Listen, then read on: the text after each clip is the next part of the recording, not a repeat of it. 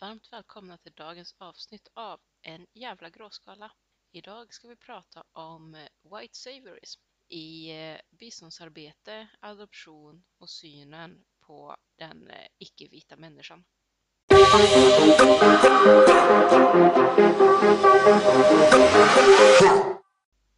White Saviorism, det är ett begrepp som det egentligen inte finns något riktigt bra översättning på till svenska. Man skulle kunna säga vit riddare är nog nästan det som kommer närmast. Den vita riddaren innebär att eh, man vill göra rätt, hjälpa andra, men kommer in med lite av ett ovanifrån perspektiv. Av att redan veta allt som behöver vetas, kunna allt som behöver kunnas och därför också ha en viss ovilja till att lyssna på de personer man faktiskt ska försöka hjälpa. Detta är extremt tydligt skulle jag säga i många fall när vi pratar om bistånd och ännu mer tydligt blir det i diskussioner om adoption. När det kommer till bistånd så har det blivit bättre. Det är någonting som har diskuterats mycket och där man aktivt försöker jobba mer på att inte konkurrera ut den inhemska befolkningens arbete utan istället stärka de krafter som redan finns inom landet. Men det finns fortfarande white saviorism bland bistånd och i synnerhet när det kommer till volontärarbete eller volontärturism.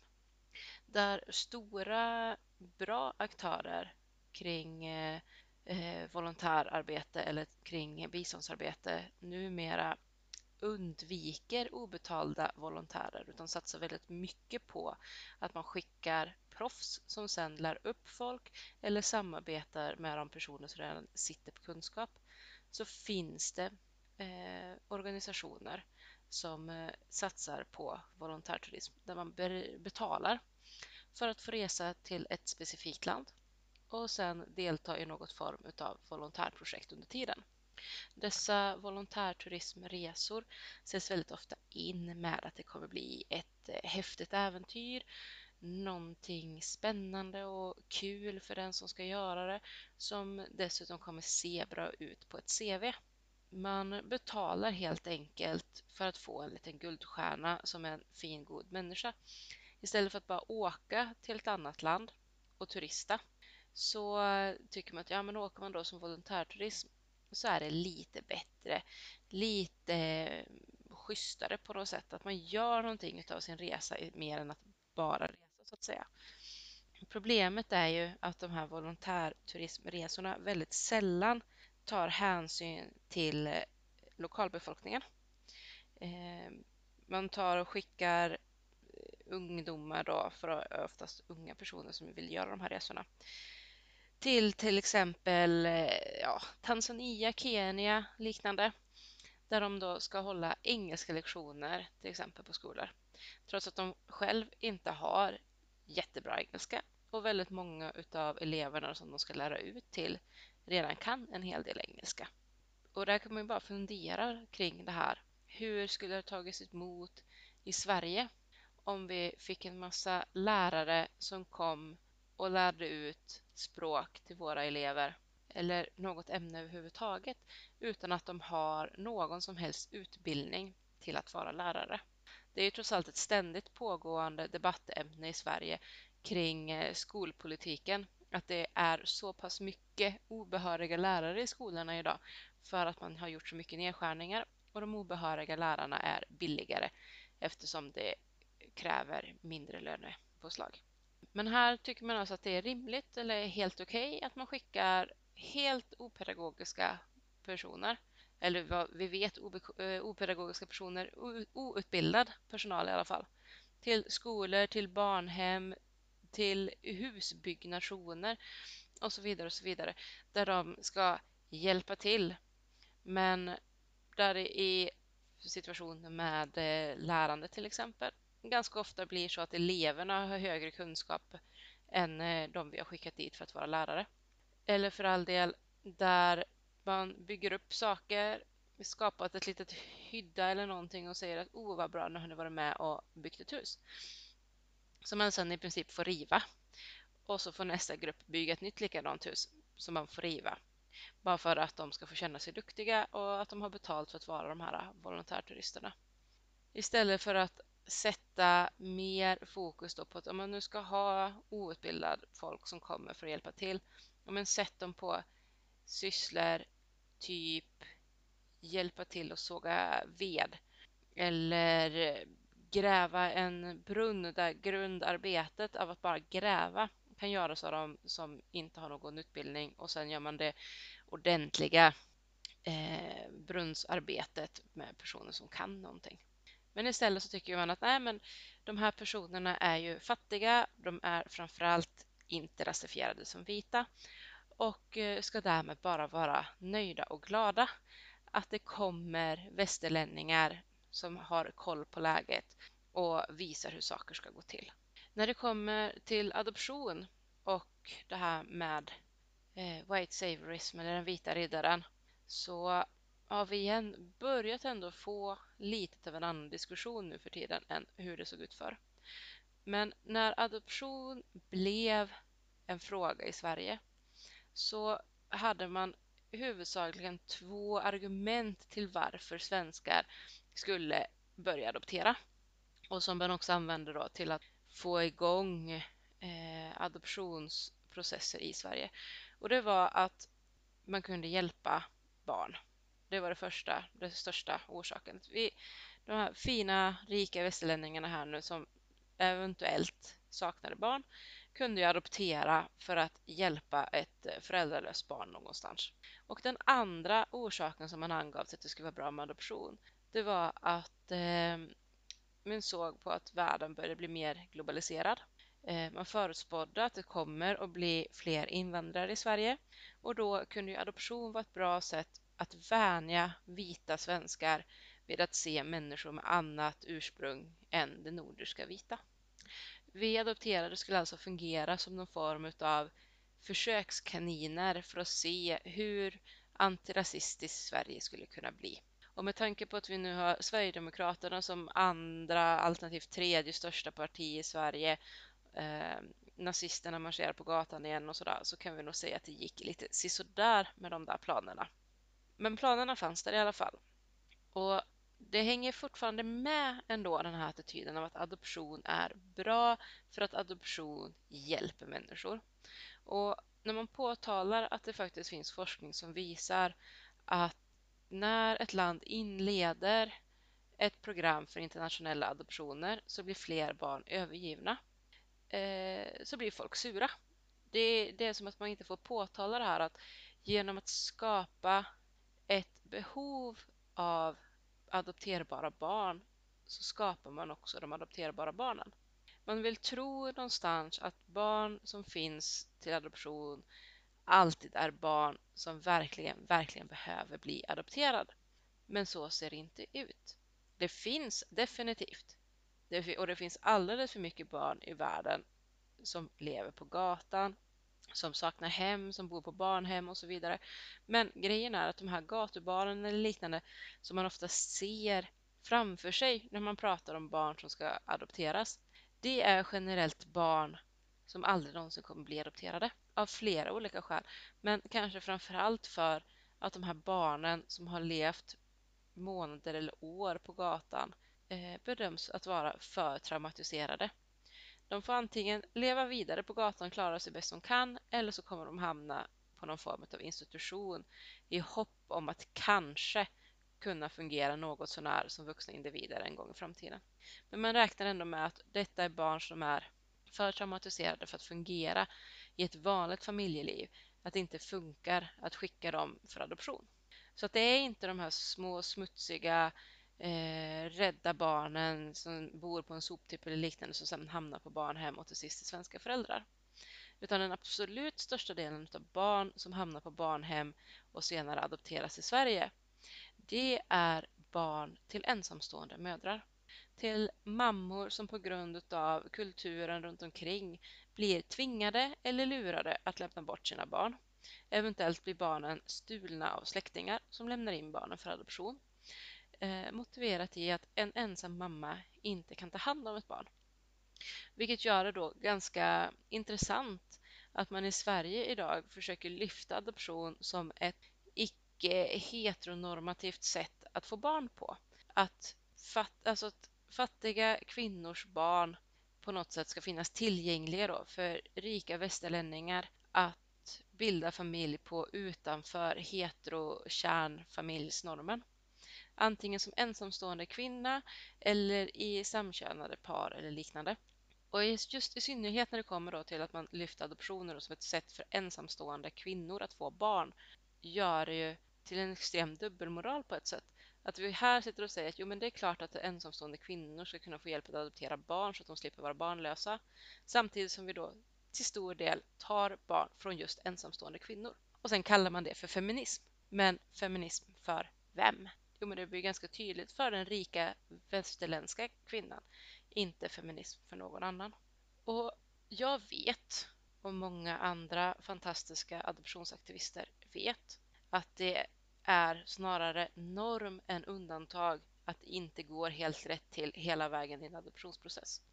Och att det är betydligt vanligare än vad gemene Svensson vill tänka sig att eh, ett barn har blivit stulen eller föräldrar lurade på de grövsta sätt för att få barn till adoption. Och som sagt, det finns mycket barn som är helt hemlösa och helt föräldralösa men som aldrig hamnar för adoption. Men det finns också ett mycket större behov av att vilja adoptera än vad det faktiskt finns adopterbara barn.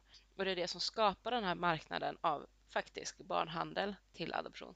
Vi har alldeles nyligen, här, förra året ungefär, så kom det fram då till exempel att det finns i runda slängar 600 adopterade barn, eller nu är de vuxna, eh, som adopterades ifrån Chile under diktaturen där man vet att det inte har gått rätt till. Ungefär 600 personer som blev stulna och skickade till Sverige. Och där man knappt kan prata om detta. Media vill inte lyfta frågan. Det är extremt lite uppmärksamhet kring detta. Och när man försöker ändå att liksom trycka på kring detta att det är någonting som har gått riktigt, riktigt fel och det här är någonting som staten och Sverige behöver ta ansvar för så kommer det allehanda bortargument såsom att jo men Eh, adoptionscentrum som var en av de som skötte mycket av de här adoptionerna följde ju dåvarande regelverk så det är ingenting som har gått fel till från deras sida. Eller så tycker man att det var så länge sedan. Eller så pratar man om att tacksamhet kan man kalla det. Att ja men fråga de här, tror ni att ni hade fått det bättre om ni hade blivit kvar? Eller har ni inte haft det bra i Sverige? Att man liksom på något sätt vill ta bort det faktum att barn har blivit stulna och sålda och göra det till någonting okej okay för att barnet ändå fick det okej okay upp i vuxen ålder. Och jag funderar igen det här. Skulle vi någonsin resonera så kring ett vitt västerländskt barn? Säg Madeleine McCain som försvann för, vad är det nu, 15 år sedan någonting ungefär. Eh, säg att hon skulle hittas nu vid cirka 20 års ålder. Det kommer fram till att det här var verkligen hon. Och, och, hon har levt ett jättebra liv. Hon blev kidnappad av något par som inte kunde få barn själva som bestämde sig för att eh, den här lilla flickan ska vi ta hand om. Och de har tagit hand om henne jättebra och hon har inte alls eh, haft någon större sorg över att hon blev kidnappad. Skulle vi säga att det var okej då? Skulle det här paret slippa undan ifrån eventuell eh, rättegång? Skulle man se på dem som välgörare eller skulle man säga att ah, okej, okay, det, det var hemskt det de gjorde men vi låter det bero för att hon, hon fick det ju ändå bra. Och skulle man säga till hennes föräldrar att ah, ja, men släpp de där åren nu. Nu har ni ju hittat henne igen och allting gick bra. För det är nämligen så man pratar både till första föräldrar och till adopterade när man försöker lyfta det här med att ha blivit stulen som ju faktiskt ändå händer som sagt, att barn eller vuxna som vet senare i livet att jo, jag blev faktiskt stulen. Eh, pratar man ändå till på det sättet att jo, men du fick det ju ändå bra. Eller jo, jo, men det hade väl kunnat vara värre. Och säger även till första föräldrarna just här att ja, ja, det är klart att det var jobbigt att ditt barn blev stulet. Men nu har, de, nu har ni hittats, nu har ni återförenats. och hon, hon eller han fick det ju ändå bra, eller hur? Och så vill man liksom snabbt sådär eh, lägga locket på att den här adoptionen var ju okej okay i alla fall. Och det här med den vita riddaren kom ju in väldigt tydligt i detta i att jo men det är alltid bättre på något sätt att hamna i västvärlden. Det är alltid bättre att förknippas med det västerländska. Det är alltid bättre eh, att få vita västerländska föräldrar på något sätt. Att ingenting som kan ha föranlett en adoption är så pass fel att det inte kan vägas upp av det materiella välståndet i väst. Eh, att ens mamma till exempel blev tillsagd på BB att hennes barn, hennes barn hade dött för att sedan istället adoptera bort barnet. Äh, men det, ja, det är jättesorgligt för den mamman sägs det, men det kunde varit värre. Kom helt enkelt tillbaka till det där, det kunde varit värre. Och för att kunna bibehålla den här bilden av att vita västerlänningar räddar barn, på något sätt räddar familjer genom att ständigt adoptera, så måste man ju också måla ut första länderna som, som sämre stående länder. Alltså dels kulturellt sämre men också ekonomiskt sämre på olika sätt. Att ta Sydkorea till exempel. Det är ett land som vad gäller BMI, materiellt välstånd och så vidare fullt jämförbart med Sverige. Ligger på ungefär samma nivå som oss. Och ändå har de jättemycket internationella adoptioner. Och trots att vi idag har internet, det går lätt att googla och ta reda på hur det ser ut egentligen i Sydkorea, så är det ganska få som gör det. Men eftersom det sker så mycket adoptioner därifrån så är det ändå många som lever i någon form av föreställning att Sydkorea måste vara ett väldigt fattigt land. Vilket gör att Sydkorea adopterade än idag kan få frågor av typen Oj, men finns det internet i Sydkorea? Eller, ja men om du inte hade blivit adopterad, hade du fått leva på gatan då? Och lite samma gäller till exempel där jag kommer från i Colombia. Att man verkligen ser framför sig hur alla i Colombia på något sätt skulle leva i små bergshyddor ute i regnskogen och har noll koll på vilken typ av eh, storstadsmetropol som både Bogotá och Medellin är. Att det är högst västerländsk stil där och pengar och makt. Problemet i ett land som Colombia är inte bristen på pengar eller tekniska framsteg eller liknande, utan det är ju den skeva fördelningen. Att det finns extremt rika personer men också extremt fattiga. Men istället för att försöka hjälpa organisationer inom landet att få till en bättre fördelning så säger man att jo, men eftersom de här personerna är så extremt fattiga så behöver vi adoptera deras barn så att barnen kommer ur fattigdomen. Vi är alltså helt okej okay med eh, den här ojämställdheten, med de här gigantiska klassklyftorna för att det gagnar oss. Eller ja, västvärlden är okej okay med det för att det gagnar västvärlden, så kan vi säga. Och just på grund av det så blir det också väldigt svårt att ha diskussioner om vad för typ av hjälparbete som faktiskt behövs. För att västvärldens attityd och därmed befolkningen i västvärldens attityd är ju just det här att vi är så mycket bättre. Det är vi som är de civiliserade, det är vi de som har koll. Och då vid biståndsarbete, i adoption och så vidare så vill man gå, utgå ifrån sin egen vilja. Vad vill vi? Vilket typ av bistånd vill vi ge? Vad får oss att må bra? Vad tycker vi känns som en bra idé? Och här har vi haft katastrofala situationer vid tillfällen där folk i västvärlden har bestämt sig för att till exempel samla ihop massor med skor och kläder och skicka till vissa regioner med motiveringen att ja, men de har inga skor och kläder för att det har varit naturkatastrofer. Och så har man helt slagit ut den egna försäljningen av skor och kläder eftersom ingen behöver köpa de här grejerna för att de får det gratis ifrån biståndsverksamhet. Som sagt, det har blivit bättre med de här grejerna för att vi har den här typen av fortsatta diskussioner kring den vita synen på omvärlden och tanken att det västerländska alltid är bäst. Så det går, det går framåt, men vi har fortfarande en lång väg kvar att gå för att öppet kunna diskutera både för och nackdelar med olika, med olika fenomen. Som sagt, till exempel adoption då, men även kring frågor som surrogatmödraskap, eh, andra typer av bistånd, kring eh, slöja eller icke-slöja och så vidare. Och så vidare. Väldigt ofta så blir feminism eller vänsterkampen eller dylikt i Sverige synonymt med de vita feministerna, den vita vänsterrörelsen och så missar man alla feminister och all kamp som förs från personer som inte är vita västerlänningar.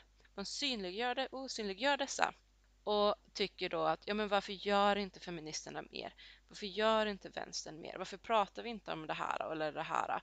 När det är samtal som är högst pågående bland personerna det främst rör. Och istället för att lyfta in de här personernas röster, erfarenheter, tankar eh, och kunskap i den vita samtal så vill man att den vita rörelsen ska ta över från oss som inte ses som vita. Och det är här vi får in den här riktiga vita riddaren. Att istället för att ta ett steg tillbaka och lyfta fram dem som behöver lyftas fram så tar man över och säger att hej, vi sköter det här. Vi kan det här. Vi kommer lösa det här åt er. Och kan sen inte förstå varför personer blir upprörda eller varför det ständigt känns som att status quo ligger kvar. Och det är ju inte konstigt att status quo ligger kvar så länge hjälpen, så länge förändringarna ska ligga kvar hos de vita. Så länge de med makt är de som ska bestämma hur långt förändringarna får gå. Och det spelar ingen roll vilken maktstruktur vi tittar på. Om det är i rasismen, om det är i män versus kvinnor eller fattiga mot rika eller vad det nu kan vara. Så måste vi bli tydliga med att förändringen, den sanna förändringen, den behövliga förändringen kan bara ske om vi som blir förtryckta får föra våra egna röster och de som i situationen har makten bara lyssnar, tar till sig och hjälper till med det de blir tillsagda att hjälpa till med utan att ta över och försöka styra om till någonting som känns bra för dem. För att släppa ifrån sig makt kommer aldrig någonsin att kännas bra och därför kan vi heller aldrig sträva efter att få det att kännas bra att förlora den här makten. Och med det tackar jag för dagens avsnitt. Hoppas ni tyckte om det och att ni kommer vilja lyssna igen. Det här var alltså fjärde avsnittet av En jävla gråskala av och med mig, Paula, a.k.a. Vardagsrasismen. Ni hittar mig på Instagram, Facebook som just Vardagsrasismen. Hoppas vi hörs igen snart och tills dess får ni ha det så bra. Hej då!